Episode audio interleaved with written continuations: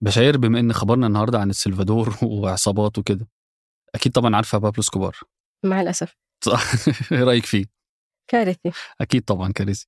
بس يعني أنا أنا في حاجة لفتت نظري في بابلو إسكوبار إنه كان دايما معاه ورقة وقلم دايما بيمشي بيهم. وكل ما يقابل حاجة يكتبها كل ما يشوف حاجة يسجلها. وحتى لما- لما بيبقى عايز يقتل حد بيسجل اسمه وبيسجل كل حاجة عنه.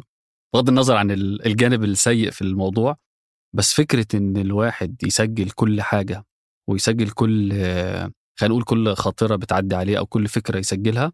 تفرق معاه جدا جدا في في ال- اولا في إن هو يفضي آه، دماغه من الأفكار إن هو آه، ما ينساش حاجة إن هو في حاجات ممكن أنت تبقى عايزة تكتبيها أو تسجليها بس بعد وقت تنسيها فالكتابة قد إيه ليها أثر كبير في إن الواحد ي- يفتكر ويسجل كل حاجة. بس طبعا بغض النظر إن أنا شفتها من بابلو سكوبار بس هي يعني مفيدة. وهل المفروض نصفي النية بالأشياء اللي تكتبها؟ في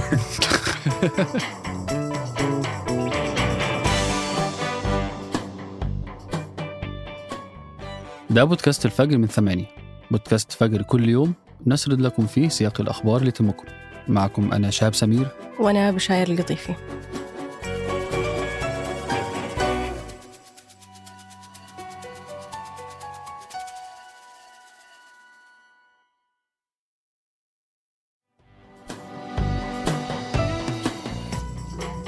فاز رئيس السلفادور نجيب بوكيلا في ولاية ثانية بعد حصوله على أكثر من 85% من الأصوات.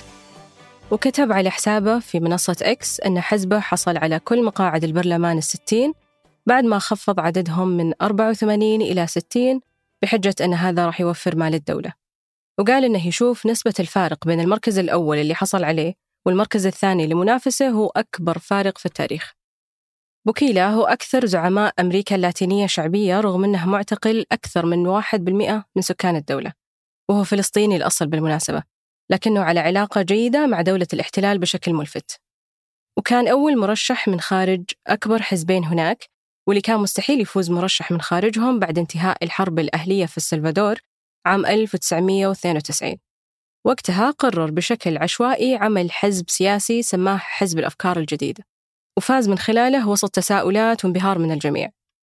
كان يعمل في مجال ريادة الأعمال ثم توجه للعمل السياسي عام 2012 وفي خلال سبع سنين فقط أصبح الرئيس السادس للبلاد.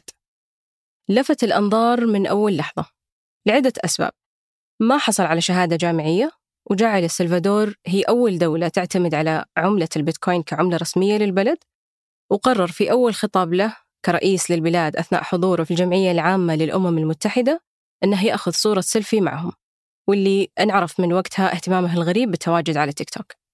في خطاب فوزه اليوم قال جملته المكررة أن السلفادور هي رسميا الدولة الأكثر أمانا في أمريكا اللاتينية. وعشان نفهم ليه دائما يؤكد بوكيلا على الموضوع هذا تحديدا ونعرف ليش انتخبه الشعب السلفادوري رغم أنه كاتب في تعريف نفسه على منصة إكس أنه أروع دكتاتور في العالم قبل ما يغيرها ويخليها حاليا ملك الفلاسفة. نحتاج نعرف كيف كانت السلفادور قبل وبعد.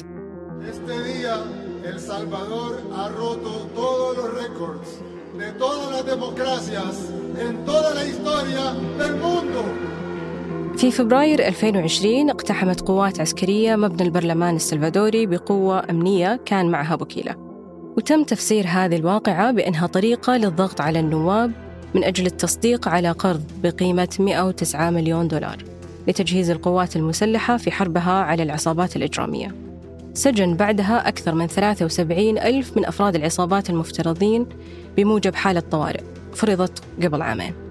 وفي السلفادور توجد عصابات باريو 18 وام أس 13 وهي من أخطر العصابات في العالم والموجودة دوليا مو بس في السلفادور. واللي جعلت السلفادور واحدة من أكثر الدول فتكا في العالم من حيث نصيب الفرد الاقتصادي. وهو الشيء اللي ركز نجيب على إصلاحه وشاف إنه يحتاج يتخلص من العصابات حتى لو بشكل دكتاتوري. وقتها اجاز بوكيلا استخدام الشرطة والجيش القوة المميتة ضد أفراد العصابات عشان يوقف تزايد أعمال العنف اللي اندلعت أثناء جائحة كورونا. واللي شملت أكثر من بلد في أمريكا اللاتينية مثل الإكوادور والمكسيك وغيرهم المناطق المتواجد فيها أخطر العصابات في العالم. وأقرت الجمعية الوطنية اللي سيطر عليها حزب بوكيلي حالة الاستثناء. واللي من خلالها أصبحت تستطيع السلطات اعتقال أي شخص تعتبره مشبوه ولا يحق للمعتقلين الحصول على دفاع قانوني. تم تعليق الحق في التجمعات تماما وقال أنه راح يتم محاكمة جميع القاصرين مثل البالغين لدرجة أنه أصبح ينشر على صفحته في تيك توك وتويتر صور لرجال مكبلي الأيدي يقول أن هذا العقاب المناسب لأي شخص خارج عن القانون. كتب أن منتقدي سياسته سواء كان مواطنين عاديين أو صحفيين أو حكومات أجنبية يدعمون الإرهابيين. وقال بوكيلي أنه في الوقت اللي يحتاج يواصل فيه اعتقال المزيد من أفراد العصابات منطقي أن يكون هناك محتجين لأنه سيكون هناك دائما أقارب وأهل لهؤلاء العصابات لا يفضلون اعتقالهم. وأنخفض معدل جرائم القتل من 52 لكل 100 ألف شخص في عام 2018 وهو أحد أعلى المستويات في العالم إلى 2.4 لكل 100 ألف شخص في العام الماضي. في النهاية كانت حملة القمع اللي أعلنها بوكيلي لحالة الطوارئ واللي يقول النقاد أنها اكتسحت آلاف الرجال اللي ما لهم صلة بأي عصابة كان شيء مخيف. وأنها بالرغم كونها شيء سيء فهي أكسبته أتباعا مخلصين محليا وفي جميع أنحاء المنطقة. يبدو أن سكان الإكوادور ما يهمهم شيء أكثر من تحقيق الأمن. اللي عاشوا لعشرات السنوات مفتقدينه حتى لو كان على حساب رجل يمارس قوة مفرطة على الجميع لدرجة أنه يقول على نفسه أنه دكتاتور أو كيف ما كتب أروع دكتاتور في العالم.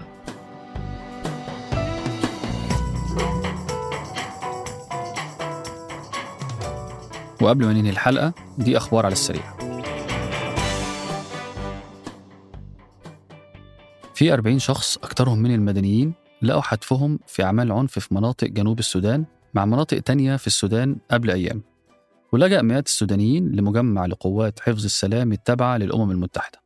بيتوقع البعض وقوع اشتباكات في منطقة أبيي ما بين فصائل متناحرة من قبائل عرقية واللي كان بسبب نزاع حوالين موقع أحد الحدود الإدارية واللي بيتم فيها جمع عائدات ضريبية كبيرة من التجارة العابرة للحدود. منطقة أبيي غنية بالنفط بتشارك فيها جنوب السودان والسودان في إدارتها. وبيزعم كل واحد فيهم أحقيته فيها. الهجمات دي تسببت في وجود نيران في عدة أسواق وسرقة للممتلكات. وأضاف إن في 18 شخص تانيين اتقتلوا في هجمات منفصلة يوم الحد اللي فات. كان من بين الضحايا ثلاث أطفال وواحد من جنوب السودان. بيشتغل لدى منظمة أطباء بلا حدود. بتعيش السودان في الشهور اللي فاتت حرب داخلية صعبة اتسببت في مقتل ونزوح الآلاف نتيجة لصراع ما بين قائد الجيش وقائد قوات الدعم السريع. اكتشف بعض الباحثين في أحد أكبر مراكز الأبحاث السرطانية آلية خلوية جديدة ليها الدور الأهم في قدرة الخلايا السرطانية إنها تصيب الإنسان بالمرض. قال الباحثين إن في اتنين من البروتينات الموجودة على سطح الخلية معروفين باسم integrin beta 5 و integrin alpha V. دول هم اللي بيحفزوا نمو الخلايا السرطانية. وحددوا بعد كده منطقة من بروتين اسمها integrin AV وهي اللي بتتحكم في التفاعل ما بينهم. والسرطان من الأمراض اللي بيعتبرها الإنسان ملهاش علاج حتى الآن. عشان كده كان الخبر ده مصدر أمل للكثير ارتفعت ضمانات القروض المتقدمة للمشروعات متناهية الصغر والصغيرة والمتوسطة من برنامج كفالة. برنامج كفالة هو برنامج ضمان لقروض المنشآت بنسبة 10% على أساس سنوي واللي وصلت لحوالي 16 مليار ريال في عام 2023 وراح منها 12 مليار ريال إلى الشركات الصغيرة والمتوسطة وبتحدد الهيئة العامة للمنشآت الصغيرة والمتوسطة المنشآت بحيث تضم الشركات متناهية الصغر من واحد إلى خمس موظفين وبتصل إيراداتها السنوية ل 3 ملايين ريال سعودي. بينما بتضم المنشآت الصغيرة ما بين 6 إلى 49 موظف وبتتراوح إيراداتها السنوية ما بين 3 ملايين إلى 40 مليون ريال سعودي. أما الشركات المتوسطة فبتتراوح ما بين 50 إلى 249 موظف وإيراداتها ممكن تصل من 40 مليون إلى 200 مليون ريال. وبتقدم كفالة 10 منتجات للمنشآت العاملة في قطاعات بتشمل التصدير والاستشارات والثقافة والترفيه.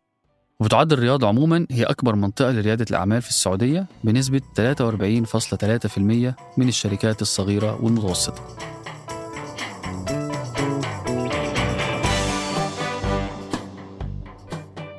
أنتج هذه الحلقة حسام الخولي وقدمتها أنا بشاير القطيفي وأنا شهاب سمير. وحررها محمود أبو ندى.